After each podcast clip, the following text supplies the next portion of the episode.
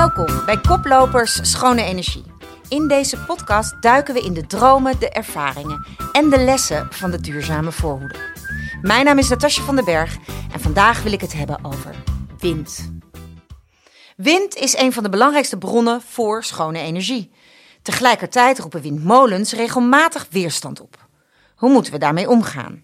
Ik bespreek het met drie koplopers die ik één voor één aan u zal voorstellen. Bij mij aan tafel Inge Verhoef, projectontwikkelaar bij de Windvogel, een landelijke coöperatieve vereniging die wind- en zonne-energieprojecten opzet. Ze is onder meer bezig met een nieuw windmolenproject in de Utrechtse polder Rijnenburg. Het Algemeen Dagblad bestempelde haar als windboer en het gezicht van de voorstanders van windmolens in Utrecht. Vertel eens Inge, geven die titels jouw voldoening? Word je er blij van? Nou, die laatste titel die uh, bevalt me wel. Gezicht van de voorstanders. Uh, maar windboer? Dan liever nog windboerin. Maar ja, het suggereert toch een beetje alsof je er geld mee verdient en uh, over de ruggen van anderen. En dat is nou juist niet waar we mee bezig zijn. Ja, want voor diegenen die niet helemaal thuis zijn in wat een coöperatie is. Wat is een coöperatie? Een coöperatie is een groep burgers die samen schone energie willen opwekken. En die doen dat door zelf hun geld in te leggen, maar ook door de omgeving goed te betrekken en de opbrengsten weer lokaal in te zetten rondom het windenergiegebied. Goed. Naast jou zit René Dalmeijer, oprichter van duurzaam bouwcollectief RDPA en de energiecommissaris van 02025 in Eiburg, een van de twee. Postcode 1086. In Amsterdam was natuurlijk het afgelopen jaar behoorlijk veel te doen over windmolens. En dan specifiek ook over windmolens mogelijk in of op Eiburg. René, kan je zeggen dat windmolens bij jou in de wijk het gesprek van de dag zijn? Ja, het is overrompelend wat er gebeurd is. ik dacht, wat moet ik hiermee? Ja, want het was zelfs onderwerp van de nationale verkiezingsstrijd, hè? de winddiscussie op Eiburg. Ja. Hoe heb jij dat zelf beleefd?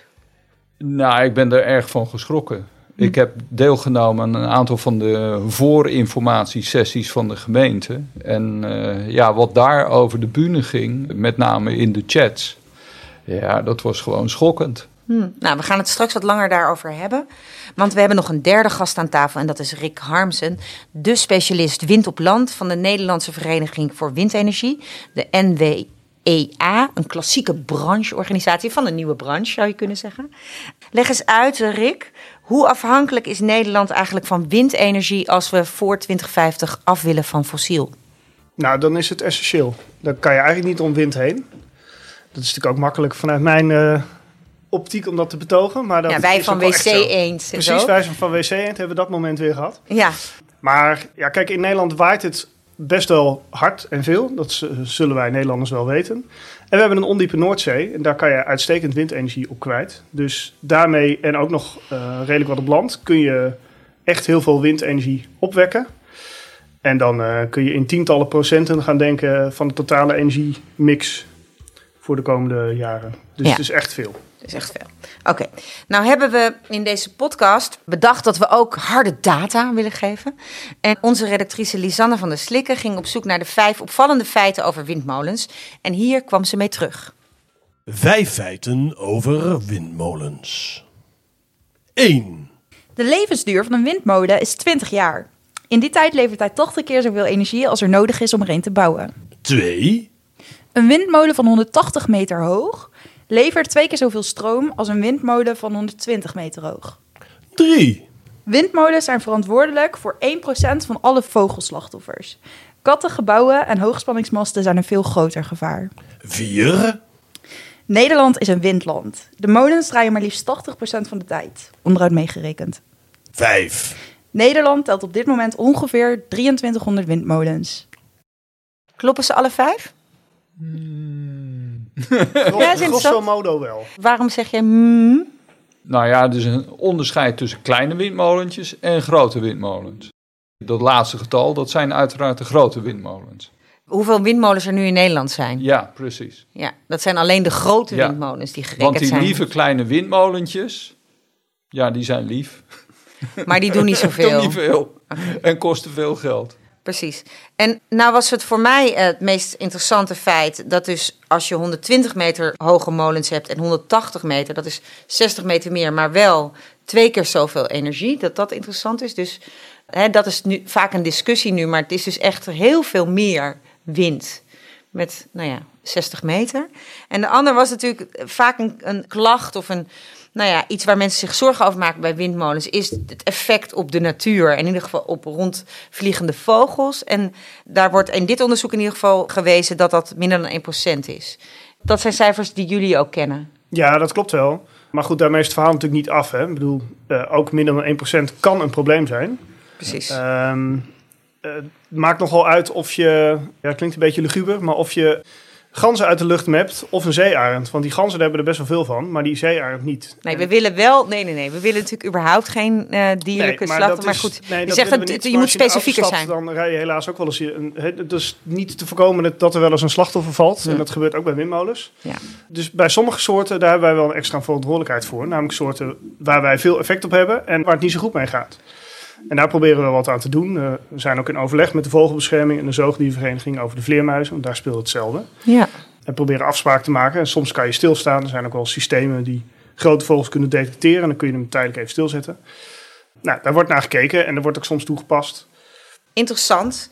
Jij zei tientallen procent, hè? Kan het eh, eh, in de energiemix van 2050 heeft wind tientallen procent. Hebben we tussen de 30 en de 50 procent hebben we het dan over, zoiets? Nou, in potentie kan het wel naar eh, 60 of 70 procent. Maar ja, goed, dat ligt ook een beetje aan hoeveel je er kwijt wil als land. Hè. Dat is ook een politiek besluit hoeveel windmolens wil je plaatsen. Ja. Maar als je ehm, nou, op, op land er nog twee keer zoveel neerzet als nu, dat is al best, best wel veel. Er staat al redelijk wat, maar dan moet je er echt nog wel wat bij plaatsen. Dus dat gaat niet zonder slag stoot. En je zet op zee, op de Noordzee, op het Nederlandse gedeelte, zet je zo'n 10, 12 procent van het grondgebied vol met windmolens. Ja, dan kom je een heel eind. Maar dat, is, eh, dat zijn echt heel veel windmolens. Dus ja, wij bouwen ze graag, maar dat is niet morgen geregeld. Goed. Laten we naar Eiburg gaan. In een onderzoek dat de gemeente Amsterdam deed naar eh, de mogelijke plekken voor windenergie, was Eiburg een van de plekken om, om, om nou ja, die stond in kwam in ieder geval dat onderzoek voor. En dat leidde tot grote weerstand en protesten. En eh, de lokale tv-zender AT5 interviewde toen een aantal bezorgde bewoners. En daar hebben we een fragmentje van. Ik maak me vooral veel eh, zorgen over het geluid en de, en de lage bromtonen die eruit voortkomen. En ja, als je dan hoort dat de mensen daar hartkwalen en hartaanvallen van krijgen, ja, dan word ik toch wel een beetje zenuwachtig. krijgen dus al die herrie van die windmolens, die komen allemaal hier naartoe. En eh, nou, dat, dat- dat gaat dag en nacht door. Ook s'nachts gaat het harder waaien dan overdag. Dus eh, ja, mensen kunnen er niet van slapen, worden er gewoon eh, hartstikke gek van. Ja. Eh, ja, geluid en effect op de gezondheid. Hè? Dat waren de twee belangrijkste zorgen. René, jij woont op Eiburg. Was je voor of tegen de windmolendiscussie? Hoe stond jij in dit gesprek? Ja, ik, eh, ik vind dat we het gewoon moeten doen. Als je gaat kijken naar de mogelijke locaties in Amsterdam. En daar is best wel zorgvuldig naar gekeken door eh, de gemeente. Dan is Eiburg wel een van de beste plekken. Want je zit op, bijna op open water. En eh, ja, waar het er nu naar uitziet met de aangepaste kaart. Is de locatie die er eigenlijk uitkomt rollen op dit ogenblik redelijk ver van de bebouwing af en redelijk ver het ei op. Voor mij het enige vraagstuk is hoe zit het met vogeltrekroutes. Dat is voor mij best wel een vraagstuk. Precies. Maar toen ze, hè, de, de- de- in het kader van de regionale energiestrategie, moest elke regio in Nederland aanwijzen waar kan grootschalig zon en waar zijn potentiële plekken voor wind. In Ja. dat onderzoek kwam, eh, hebben ze gewoon gekeken naar waar waait het het hardst in Amsterdam. Ja. En is het het meest logisch om een windmolen te plaatsen? En toen kwam Eiburg in ieder geval in zicht van de planners. Hè? Wat is er nou precies gebeurd waardoor er zoveel ophef ontstond? Ik denk dat de mensen enigszins onvoorbereid het ja, als een soort voldongen feit op de mat eh, kregen. Ze dachten, nou, dit, de, hele discussie is eh, eigenlijk voorbij en er komt gewoon een windmolen hier te staan. En eh, ja, zoals het getekend was, een beetje ongelukkig op een kaart, waardoor het leek dat het echt op hele korte afstand geplaatst zou worden. Ja, dat is ongelukkig geweest. Ja. En toen waren er bijeenkomsten. Ja, En nu? Ik heb de indruk dat het een beetje eh, ja, tot rust is gekomen. Er zijn ook wat brieven gestuurd naar de bewoners van Eiburg en waarschijnlijk ook naar andere Amsterdammers. Waar nog iets meer toelichting is geweest. En ja, dat is jammer, de volgordelijkheid. Hey, en hoe, er, er hingen, ik woon in Amsterdam-Noord, hè, daar waren Ja. ook op een gegeven moment veel ja, posters ja. te zien. Hoeveel posters hangen er nog eh, voor de... Nou, best wel veel. Ik, ik denk zo, ja, zeker meer dan één op de tien huizen zie je wel zo'n postertje hangen. Mhm. En als mensen jou aanspreken, als ze weten dat jij de energiecommissaris bent, wat zeggen ze dan tegen jou? Ja, dan is meteen de vraag, ben jij voor of tegen? En dan zeg jij wat je net zei. En dan, ja, dan, eh, dan lijkt het dat ik een uitzonderingsstandpunt heb. Hm. Ik, ik, ik zou het heel mooi vinden als een windmolen op Eiburg eh, komt te staan. Ja, je bent echt een actieve En dan voorstander met name een, een, een windmolen van de Eiburgers. Ja, in coöperatief bezit van de Eiburgers zelf. Ja, Nou was ook onderdeel van de landelijke verkiezingsprogramma kwam Eiburg te sprake, omdat er ook allerlei progressieve, milieubewuste Ja. eh, bewoners toch tegen die windmolens bleken te zijn. Hoe verklaar je dat? ja ik, ik denk dat dat te maken heeft dat welke kwaad wil je bestrijden. Weet je? Ja, als het water om je enkel staat, dan ben je te laat. Ja. En dat dreigt wel te gebeuren op de langere termijn, als we niks doen. Ja. Dus dat betekent, ja, als je gaat kijken naar kiezen van kwaden, dan zou ik zeggen, nou, windmolens, dat is iets wat eh, heel behapbaar is. Ja. Het, het- het is een bewezen technologie. De risico's zijn heel klein als je dat verhoudt tot bijna alle andere dingen die we zouden kunnen doen als alternatief. De vraag is uiteraard waar. Nee, dat is natuurlijk de grote vraag. Ja. En Eiburg staat natuurlijk helemaal niet op zichzelf. Ik bedoel, in heel Nederland is nu een discussie over waar gaan we die wind op land plaatsen. Windmolens op land. En hoe ga je om met natuurlijk als mensen horen dat die heel dicht bij hun eigen huis of woning wordt geplaatst. Nou ja, dan krijg je soms weerstand. En hoe ga je daar nou mee om? Inge, als iemand die eh, windontwikkelaar is, zal je veel ervaring hebben hiermee. mee. Wat is wat, wat jou betreft de belangrijkste les die je geleerd hebt over het betrekken van bewoners of omwonenden van windprojecten? Ja, ik vind het juist heel sterk dat eh, Amsterdam de mensen zo vroeg eh, heeft betrokken. Hoe eerder, hoe beter, denk ik. Ehm, nou ja, wat jij ook al zei, dat de zoekgebieden bekend werden gemaakt. Dat wilde nog niet zeggen dat er ook meteen windmolens zouden komen. En dat is misschien de verwarring geweest, dat een zoekgebied, dat betekent nog niet dat ze inderdaad op 400 meter van je woning komen. Daarna ga je fine-tunen. Wat is nou een goede plek? En als je het op een coöperatieve manier doet, zoals wij dat dan doen, ga je ja, een goed ontwerpproces starten, waarbij je de omgeving betrekt en waarbij iedereen mee kan ontwerpen en waarbij je zoveel mogelijk hinder wil voorkomen, dus de afstanden tot de woningen groter maakt bijvoorbeeld, of je gaat kijken of je slagschaduw kan reduceren. Vaak kun je een stilstandregeling uh, treffen, waardoor uh, minder woningen slagschaduw krijgen. Nou, al dat fine-tunen, dat kun je samen met de omgeving doen in een uitgebreid en systematisch uh, ontwerptraject. Nou, en als de mensen dan ook nog een beetje betrokken raken bij, uh, bij de windmolen en het gevoel krijgen, nou, die wordt van, van mij. En misschien worden ook een aantal mensen lid van de coöperatie, gaan ze investeren. Nou, dan krijg je een heel ander verhaal dan hè, dat vreemde bedrijf dat zomaar een windmolen vlak bij je woning komt plaatsen. Ja, en daar geld mee gaat verdienen waar jij niets van ziet. Ja, precies. Ja. ja. Dus jij zegt eigenlijk, Amsterdam die heeft iets gedaan wat wij eigenlijk allemaal adviseren als windontwikkelaars. Betrek bewoners al heel vroeg in het zoekproces van plekken waar je wind gaat realiseren. Hoe, hoe zie jij dat, Rick Harmsen? Ik bedoel, wat is er misgegaan in Eiburg?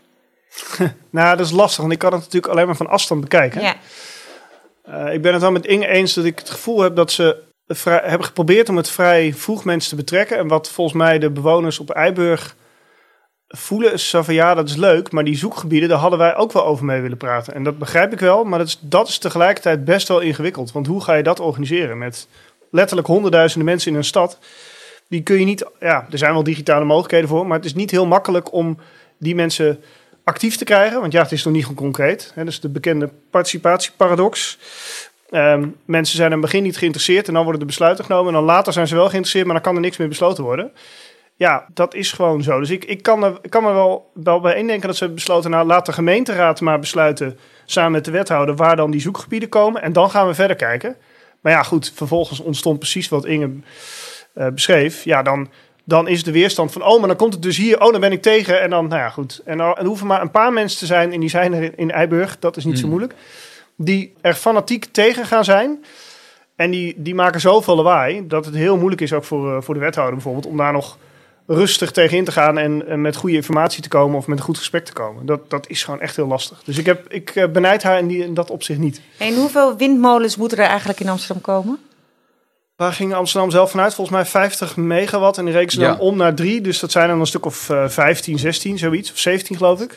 17. 17 windmolens moeten er in het, op, Ja. het, op het grondoppervlak van de gemeente Amsterdam komen. Ja, en ik schat zelf in dat als je je doelstelling op 50 zet, dat je misschien nog wel met iets minder toe zou kunnen. Maar dat ligt er ook aan. Ik weet dat ze hier ook hoogtebeperkingen hebben. Met Schiphol natuurlijk. Dus je kan niet de allergrootste neerzetten. Even los van. eh, Dat is ook een van de voordelen van de Eiburg-locatie. Dat het daar wel kan. Ja. Ja. ja, goed, dan heb je Die heeft geen last al, van Schiphol. eh, Nou, beperkt. eh, kun je, Hè, want eh, de, de, er zijn een soort hoogteprofielen. En dat is een van de nadelen van bijvoorbeeld Havens West.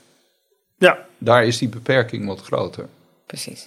Dus er moeten 17 windmolens in Amsterdam worden gerealiseerd. En eh, de gemeente Amsterdam die ging kijken waar is dat het logischst gezien Schiphol, waar je de, om, vanwege hoogtebeperkingen dan een ander soort molens moet zien, maar ook waar het lekker waait. Ja, En waar eh, afstand tot woningen te realiseren is. Neem ik, ik denk dat ze dat laatste als uitgangspunt hebben genomen. Ja. Want waaien maakt niet zoveel uit. Het zal in heel Amsterdam ongeveer hetzelfde zijn. Oh, oké. Dat verschilt wel, maar dat is, dat is het verschil tussen Noord-Holland-Noord en eh, de Achterhoek. Dan heb je een groot verschil. Maar binnen een stad valt het wel mee. Oké. En ze zullen, en dat, volgens mij is het ook wel zo, ze hebben ook wel gekeken van nou, natuur waar kan, proberen we wel te ontzien. Mhm. Maar goed, dat zie je al. Het ei heb je daar natuurlijk eh, heb je al discussie. Want, eh, en klopt, daar zullen vogels vliegen. Ja, ik weet, ik ben geen ecoloog, maar die kans lijkt me vrij groot dat daar wel. eh, ja nee, Issues dat, zijn met het vogels. is een vogeltrekroute. ja, En er zijn de, eh, vleermuizen, denk ik. Hè? Dus, dus Ja, ook, ja. dieren die op lijsten voortkomen omdat ze zeldzaam zijn. En oké, dus je zegt dan, nou, je gaat snel mensen betrekken, zeggen, nou, wij zoeken deze zoekgebieden. En je zegt dan, heb, je- dat, dat, mensen interpreteren dat als, oké, dit betekent, ze komen hier. En dan gaan er een aantal mensen veel lawaai maken. Jij zegt Ja. een paar, maar er waren best wel veel mensen. Hè, nou in ieder geval een paar heel hard. En er zullen ongetwijfeld, als ik het zo hoor, Precies. vrij Ja, veel nee, mensen mee een hebben geschreeuwd. enorme maar- optocht Ja. geweest. Dus op een gegeven moment, eh, ik Ja. geloof dat die, ik denk dat, eh, maar dat kan ik natuurlijk niet hard maken. Maar ik schat in dat de weerstand in Eiburg gemiddeld gezien wat hoger is dan op andere plekken in Nederland. Maar goed, er wonen ook veel mensen. Hè, dus dat, Ja, dat is sowieso natuurlijk Ja. van een dichtbevolkte stad natuurlijk snel het Ja, risico. Het is dichtbij een woonwijk. Wat je vaak ziet is dat, eh, nou, dat is bijvoorbeeld in Utrecht zo, dat een locatie wordt gekozen die wat verder van de bebouwde kom af ligt. Dan staan natuurlijk wel verspreid, hè, in Nederland staat altijd wel iets. Zo staan er zo her en der boerderijen, maar die doen vaak mee in het project. En dan krijg je een hele andere discussie. Ja, dat er dan op twee kilometer of zo een stapel woningen staat, ja, dan hebben die mensen iets, oké, maar het staat op twee kilometer, dus ik, ik zie ze wel, maar ik hoor ze eigenlijk helemaal niet. Nou ja, dan krijg je een hele andere discussie dan als ze op 300 of 700 meter komen. Hey, Inge, wat weten we nou eigenlijk over... Want we hoorden in dat fragment... hoorden we mensen zeggen dat ze zich zorgen maken over het geluid... en over de lage bromtonen... die eventueel ook gezondheidseffecten hebben. Wat weten we daar nu over als koplopers in wind? Als koplopers in wind, eh, wij volgen het RIVM. Het RIVM die heeft eh, ja, eh, uitvoerig literatuuronderzoek gedaan. Buitenlandse studies, eh, Nederlandse studies, alles bij elkaar. En ja, daaruit blijkt dat geluid van windmolens kan ergernis geven. Afhankelijk natuurlijk van de afstand. Maar ziekmakend, dat is nooit aangetoond. Dus ja, voor ons is dat een hele lastige claim die dan op windenergie wordt gelegd. Probeer dat dan maar eens te weerleggen. Hoor je het veel? De- Het deze wordt zorg? steeds meer gezegd, ziekmakend, ja. ja. Want ik, ik bedoel, er was dus laatst ook op nationale televisie een item over. En er werd ook gezegd dat de, de, de hoogte van de molens nu zo hoog is. dat daar in ieder geval nog heel weinig onderzoek naar is gedaan. naar de gezondheidseffecten. Klopt dat? Ja, maar dat is altijd zo. Want die windmolens zijn, worden al twintig jaar hoger. En onderzoek loopt altijd een paar jaar erachteraan. Want ze gaan pas... Hey, van tevoren doe je natuurlijk testen hoeveel eh, lawaai maakt zo'n windmolen, hoeveel geluid maakt hij. Dus dat wordt allemaal getest, dat weet je. Maar wat het effect is, dat weet je pas als je dat in de praktijk gaat meten. Ja. En dat doe je altijd bij een bestaand windpark. En dan na drie jaar weet je het. Dus ja, dan weet je dat van de windmolens die drie jaar geleden zijn verplaatst. Dus dat argument klopt wel, maar het is, ja, dan kun je nooit meer iets doen. Nee. Dus het is En- een beetje een, ik vind het een beetje gezocht. Nou, Ehm, wat, wat, ja. wat ik erbij wil zeggen is, is dat eigenlijk hoe groter de windmolen, hoe minder de overlast Waarom? uiteindelijk. Waarom, waarom zeg je dat? Nou, om dezelfde energieopbrengst te hebben. Ja. En dus één hele grote windmolen, stel 10 megawatt, ja, dan vervang je honderden kleine windmolentjes mee, die veel meer eh, ruimte nodig hebben. En ook ja, potentieel veel dichter bij bebouwing eh, geplaatst worden. Nou ben je eigenlijk een, eh, ik introduceerde net als energiecommissaris, maar je klinkt nu bijna als een windontwikkelaar. Hè? Ik bedoel, je bent eigenlijk expert in bouw, vertelde je net. Bedoel, jij weet dus, hoe, hoe, jij weet dit soort dingen. eh, ja. Nou ja, ik heb ook een kleine achtergrond in vliegtuigbouw. Dus Ja. Dat, dat was je vorige. En, en ah, zo'n molen die in Eiburg ingetekend was, dat is zo'n zo'n hele grote windmolen. ja, in principe zijn dat die eh, in de orde van zo'n 3 megawatt windmolen. Ja. Dat, dat, dat is in ieder geval het idee. En je zegt, en dat is wat waard. Want voor, voor jou, in jouw perspectief, omdat je daarmee eigenlijk zoveel energie opwekt dat je op een aantal andere plekken dan dat niet hoeft te doen. Ja, dat, dat is het directe gevolg. Ja. En is dit gesprek op, eh, met dit soort argumenten, denk je, voldoende gevoerd op Eiburg? Nee, ik denk onvoldoende. Ik, ik, ik denk dat, eh, maar dat is altijd het probleem met dit soort dingen. Ja, de gecijferdheid van mensen is beperkt. Als je de meeste mensen vraagt, wat is nou je energierekening? Tenzij ze zelf zonnepanelen hebben, dan weten ze dat niet. Hoe gaan jullie daarmee om? Als, eh, dus, want als, als dat zo is, hè, de- laat ik zeggen, Eiburg lijkt me niet minder opgeleid dan de Nee, rest van nee, Nederland gemiddeld, zullen we maar zeggen. Dus heel veel mensen zullen heel weinig beeld hebben bij die cijfers. Hoe ga je daarmee om als je toch een windenergieproject van de grond wil trekken met bewoners? Ja, nee, dat klopt. Ehm, de eerste stap is inderdaad het gesprek aangaan over de informatie. Als wij starten met een windproject, dan, dan willen we samenwerken met de gemeente. En de gemeente die kan daarin een grote rol spelen in het overbrengen van de goede informatie. Samen met de coöperatie die daar dan lokaal eh, is, die kan ook vertrouwen bieden aan de mensen in de omgeving, omdat dat zijn je, buren. Je eigen buren die willen een, eh, een ja, zonnepark aanleggen of een windmolen bouwen.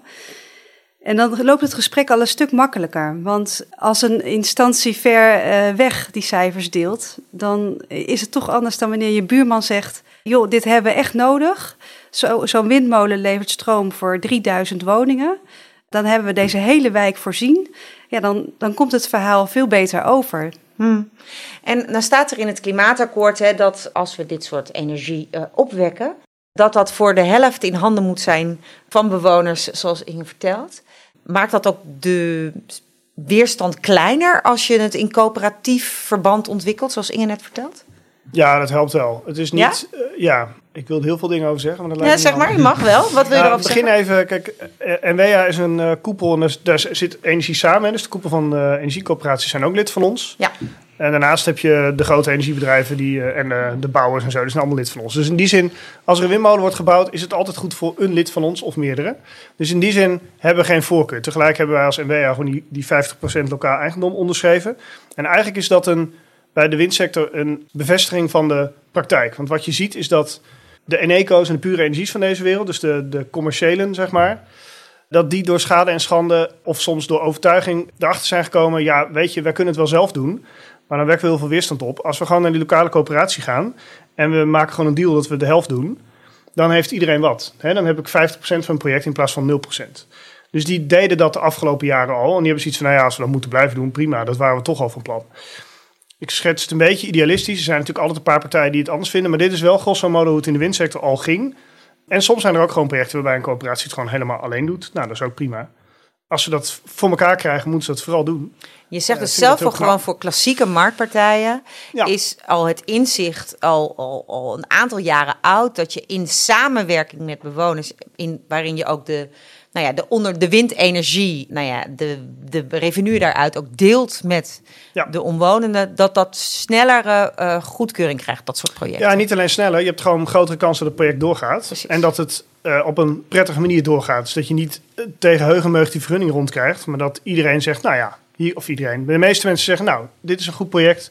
Maar het is wel, je moet daar niet bij beginnen. Het begint bij een goed proces. En het toetje tussen aanhalingstekens is dat je het ook goed verdeelt en dat die coöperatie een rol krijgt. Of het, die moet natuurlijk ook vanaf het begin meedoen. Maar ik bedoel, als je begint met een coöperatie, en dat zie ik sommige politici nog wel eens doen. Ja, dat werkt niet. Je moet eerst zorgen dat het proces goed gaat.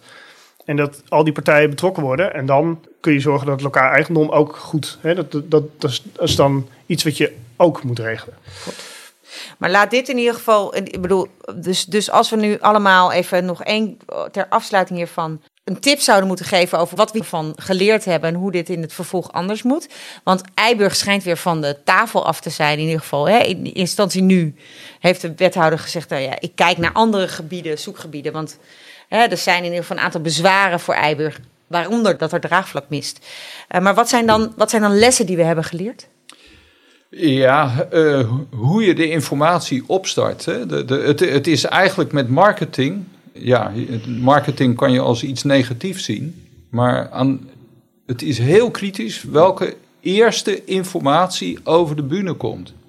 En ik denk wat hier mis is gegaan, is wat zijn nou de baten van die windmolens? Dat is eigenlijk vergeten. Ze hebben alleen maar. Dat is dus- onvoldoende verteld. Ja, ik kan me daar wel bij aansluiten. De voordelen van, van windenergie die zijn evident, maar die zijn weinig gecommuniceerd. Maar ook de manier waarop je windenergie kan ontwikkelen. Op een goede manier, een goede buur zijn. Dat is eigenlijk waar het om gaat. Want het is niet zo dat een coöperatie koste wat kost die windmolens wil bouwen. Ze willen dat doen met de omgeving op een manier die past. En ja, op een manier waarbij de zorgen serieus worden genomen. En die zorgen die, ja, die moeten ook gewoon beantwoord worden. Dus dat is denk ik, ja, dat had veel eerder gezegd kunnen zijn. Nou wil ik het hebben over een, ander deel van het wintertje. Hè? Want we hebben het nu even over Eiburg. Maar hoeveel windenergie, hoe ziet de toekomst van Nederland eruit... als we, nou ja, jij schetste net al even... als we het verdubbelen wat er nu staat... en als we op, wat zei je, 12% van het eh, oppervlak van de Noordzee gebruiken... dan kunnen we echt meer dan de helft van onze hele energievraag... uit windenergie halen. Maar er zijn ook op vaak op internet allerlei eh, tirades of kritische artikelen te vinden over wat gaan we doen met dit land? Gaan we dit hele land volzetten met windmolens? En wij kwamen een fragmentje tegen van Jan Smelik, ingenieur, die eh, nogal eh, op klimaatfeiten.nl nogal van leer trekt tegen deze toekomstvisie. Men probeert u in Den Haag en Brussel dus sprookjes te verkopen. Afgezien van dat deze zogenaamd groene oplossing onbetaalbaar is, zou ons land volledig onbewoonbaar zijn geworden. Het hele land, plus een groot deel van de Noordzee, zou vol staan met windturbines en zonnepanelen. Zesmaal zoveel hoogspanningsleidingen als we nu al hebben, grote fabrieken voor de productie van waterstof, enorme velden voor waterstoftanks voor weken aan energieopslag en nog steeds tientallen energiecentrales om deze waterstof weer om te zetten in stroom. Ja, dus dit is een klein citaatje uit het verhaal. Hij zegt eigenlijk met het verhaal over windmolens, twee keer zoveel als er nu staan, en 12% van het oppervlak van de Noordzee, ben je er helemaal niet. Het echte verhaal, claimt deze Jan Smelik, is er moet nog veel meer infrastructuur bij. Willen we een, nou ja, laten we het maar zeggen, geëlektrificeerd energielandschap hebben, waarin we alles uit duurzame bronnen hebben, moeten we ook nog iets met opslag doen en met transport. Hoe, hoe luister je naar dit fragment? Nou ja, ik heb het hele fragment gehoord. En in die zes minuten zitten zeker dingen die kloppen. Maar ehm, er zitten ook heel veel dingen in die niet kloppen. Ja. Ja, het is een beetje een klassieke truc. Wat hij doet is allerlei dingen op een hoop gooien, allerlei aannames doen en met wat verkeerde cijfers strooien. En dan wordt het een soort enorme berg. En probeer daar maar eens eh, chocola van te maken. Kijk, het, het de hoofdprobleem is dat zijn aanname is dat we de hele energievoorziening met windenergie gaan doen. Er is niemand in Nederland die dat voorstelt. ja, precies. Dus als hij daar nou eens mee op zou houden, want wind kan veel, maar niet alles. Dus we moeten ook met zon, geothermie en eh, noem allemaal maar op. En besparen. Dus dat is de ene. Ehm, en de andere is, ja, je kunt wel van windenergie alle nadelen gaan bekijken. En die, ik bedoel, ont- ik ontken niet dat er nadelen zijn aan windenergie. Maar alle andere opties hebben ook nadelen. En fossiele heeft nog veel meer nadelen. Dus ja... Tegen wat zet je het af? Tegen wat zet je het af, daar, daar doet hij eigenlijk ook geen uitspraak over. Waar hij wel gelijk in heeft, is dat ja, als wij een volledig duurzame energievoorziening willen hebben, ja, dan gaan we wel het Nederland verbouwen. Dat is gewoon zo. Dus in die zin heeft hij gelijk. Er komen meer windmolens, er komen meer zonnepanelen, er komen meer hoogspanning. Eh, we gaan misschien wel een waterstofnet aanleggen enzovoort. Dat gaat veranderen, dat klopt. Ja, Ja, je zegt alleen het risico van alles. Nou ja, om, het is eigenlijk een soort argumentatie in met absurde eh, eh, eh, eindpunten. Je zegt, stel dat heel Nederland Ja. afhankelijk is van van alle energie die wij gebruiken, zonder dat we hebben bespaard, eh, helemaal bestaat uit wind. Nou, dan is ons land onbewoonbaar. En zeg ja, maar dat is ook een stelling die niemand in Nederland onderschrijft. Dus het is, Nee. een, het is een beetje een absurde voorstelling van zaken. Ja, als ik nu kijk naar de huidige opties, dan zeg ik ja, het, het, het slimste wat we kunnen doen, ook, ook als je gewoon naar je portemonnee kijkt, is zoveel mogelijk grote windmolens neerzetten. En of je die nou op land neerzet, hè, dat is iets goedkoper aanleggen, maar de opbrengst van die windmolens is wat minder dan op zee. Maar op zee heb je meer infrastructuur nodig. Je moet kabels aanleggen. Ja, die En- energie moet wel weer aan land Ja. kunnen komen. Ja, precies. Dus dat vergt behalve de windmolens ook andere investeringen op land is wat makkelijker. Hè, dat is ook een van de redenen waarom deze locaties gezocht worden. Hè, want je zit vlak bij de ver- verbruikers. Ja, dat is het slimste wat je kan doen. Ja, want dat hoor je natuurlijk vaak. En waarom, waarom zetten we ze niet allemaal gewoon op zee? En waarom hebben we eigenlijk windmolens op land nodig? ja, ik draai het altijd om. Ik zou zeggen, waarom zou je een goedkope optie uitsluiten? Ja, want het is goedkoper dan. eh, Nou, het is niet per se, het is moeilijk vergelijkbaar, maar eigenlijk precies wat je zegt. Op zee is, nou, ik, ga het niet nog een keer uitleggen. Het, het is een beetje 50-50. Op zee heb je wat voordelen, kun je iets groter bouwen. En op land eh, zit het wat dichterbij, heb je minder kabels Precies. nodig. Dus het zal de facto eh, ongeveer onvergelijkbaar ongeveer even zijn. duur zijn. Maar het is in beide gevallen buitengewoon goedkoop ten opzichte van een heleboel andere opties. Dus ja, ik- je kunt zeggen, nou doen we het niet op land. Ja, klopt. Nou, ja, dan moet je ergens anders je energie vandaan halen. En dat wordt waarschijnlijk duurder. Ja, En het is snel realiseerbaar. Hè? Alle andere opties zijn, dat klopt. duren veel en veel langer. Ja, Ja. alleen zonnepanelen gaan sneller. Maar eh, Ja, maar ja, dat is, dat is qua capaciteit weer een groot Je probleem. hebt een hele grote hoeveelheid oppervlakte zonne-energie nodig om. eh, En waar je die panelen hebt ge- gelegd, dan kan je eigenlijk bijna niks meer. nou, op daken natuurlijk wel. Maar op, Dat op wel, het land ja. is het inderdaad Ja. wat lastiger. En we hebben natuurlijk ook nog zoiets als het klimaatprobleem.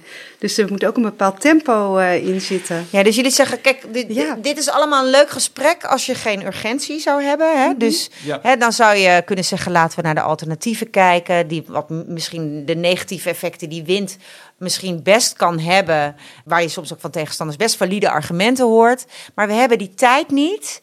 En als je, het, als je kijkt naar de kosten, heb je een tweede argument om wind eh, op land toch echt te realiseren. Want alternatieven zijn duurder.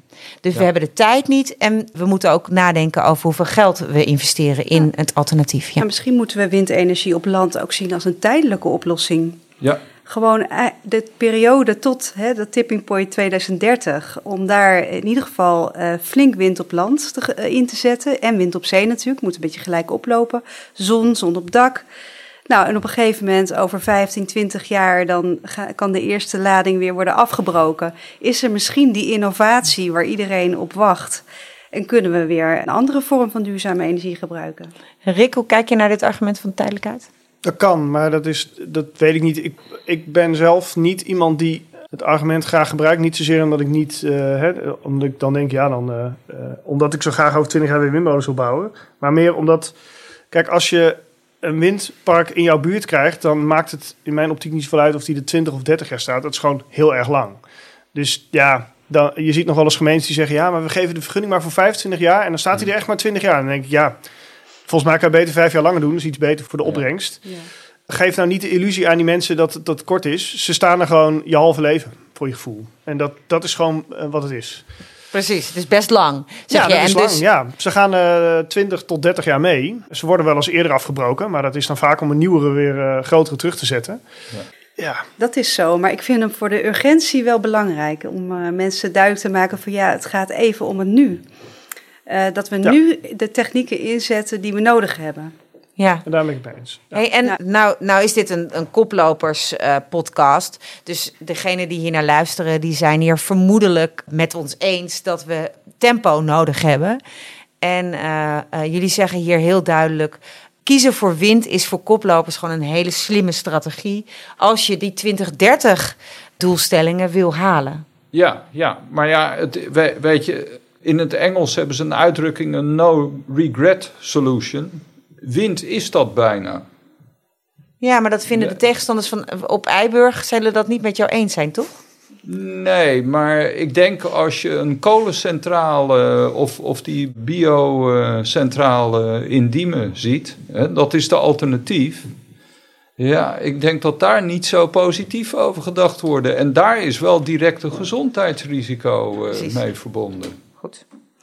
Dank. Ik hoop dat iedereen die hier deze podcast nu beluistert en koploper is in Amsterdam en zich wil nog niet bezighoudt met wind op zijn minst gaat verdiepen wat je dan wel kan doen. We hebben nog massaal meer windcoöperaties, denk ik, nodig. Jullie hebben een, een consortium of een samenwerking eh, zijn jullie aangegaan hè, als de Windvogel met een aantal Amsterdamse coöperaties. Ja, in Amsterdam werken we samen met eh, Amsterdam Energie, Onze Energie en, eh, en Zuiderlicht met vier coöperaties. En eh, zo kunnen we heel Amsterdam eh, voorzien van schone windenergie. Ja, dus, dus eh, u kunt betrokken raken bij wind ontwikkelen. Of u kunt gewoon eh, consument worden van Amsterdamse windenergie. En eh, even een, een, klein, een klein kijkje in de, in de toekomst. Denk je dat die 17 molens eh, er op korte termijn staan? Want jullie he- hebben allemaal drukken hier allemaal duidelijk uit dat er urgentie is. Nou, misschien niet de 17. Hè? En het zou zelfs kunnen om, omdat de windmolens ook ontwikkelen, dat het sowieso al wat minder zou kunnen zijn. Omdat ze meer vermogen hebben. Ja, ja. Ja?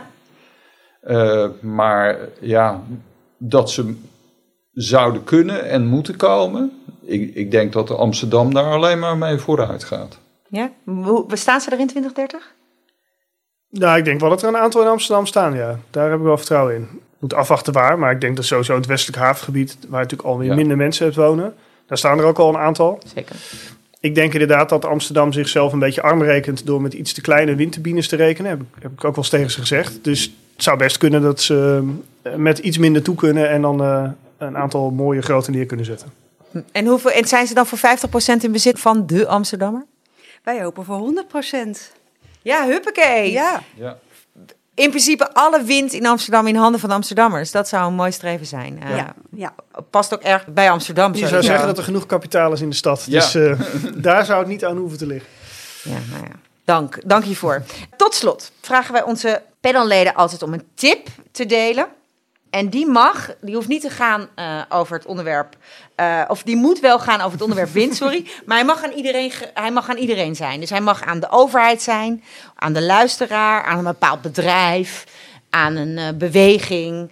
Nou ja, mag, u mag het zelf invullen. Dus hij moet over wind gaan, maar hij, de tip mag aan iedereen geadresseerd zijn. Wat is jouw tip? ja, kies voor wind nu. Vooral nu. En aan wie is die tip gericht? Nou, iedereen, industrie, deelnemen in een coöperatie, gemeentes, weet je. De, dat, dat de hieldragging wat we nu achter de rug hebben. Hmm, dank, dank René Dalmeijer. Eh, Rick Harmsen, wat is jouw tip? En aan wie is die gericht? Ja, ik zou wel een tip willen geven aan overheden. Eh, ik heb het al een paar keer gezegd, maar zorg dat je een goed proces doet. Begin niet bij de eigendom, begin bij hoe gaan we de mensen goed meenemen. En nog belangrijker, als je op een gegeven moment in het proces bent, neem dan een besluit. En ga niet denken, want dat zie ik heel vaak gebeuren, van oh, er is weerstand, nou dan gaan we er nog eens over nadenken. Daar gaat de weerstand niet van weg. Op een gegeven moment moet je een besluit nemen. Het wordt wel of niet en onder deze voorwaarden. Een besluit is ook duidelijkheid, ook voor mensen die het er niet mee eens zijn. Dus beter dan onduidelijkheid. Oké. Inge? Ja, mooie tip. Ga eens bij een eh, windmolen luisteren. Eh, wij hebben een mooie windmolen staan bij de Oude Kerkerplas, bij Zuid. Maar er is ook een, als je in het noorden van Amsterdam woont, bij Noord zijn er ook windmolens te vinden. En ga dan eens op 100 meter, op 200 meter, op 300 meter. En eh, ja, luister wat je hoort. Oh, misschien moeten we een luisterpost inrichten op 100 meter. Zodat je, weet je, net zoals je bij die vo- vogelgebieden van die kijkplekjes hebt. Van als je hier gaat kijken, zie je die en die vogel. Misschien moeten we dat doen voor eh, luisterplekjes voor wind inrichten. Zodat mensen weten wat ongeveer 100 meter is. Ja, dan kan je ook me- meteen een podcast houden daar. Ja, te gek. hè? Wat een goede tip, ook aan ons. Nou. zwoefgeluid op de achtergrond. Rustgevend. Onze volgende podcast nemen we op op 100 meter van een windmolen. Goed, mag ik jullie hartelijk bedanken voor dit gesprek. Ik hoop dat de koplopers die dit horen geïnspireerd zullen zijn om zich meer te verhouden tot het onderwerp wind. luisterde naar Koplopers Schone Energie. Vond je het interessant? Abonneer je dan even. Wil je meer horen, lezen of je ook inzetten voor schone energie? Ga dan naar 02025.nl of volg ons op social media. Deze podcast werd gemaakt door 02025 in samenwerking met Touching. Redactie en research Lisanne van der Slikken en Michiel Hulshoff. Muziek Stefan Jankowski. Mijn naam is Natasja van den Berg. Dank voor het luisteren.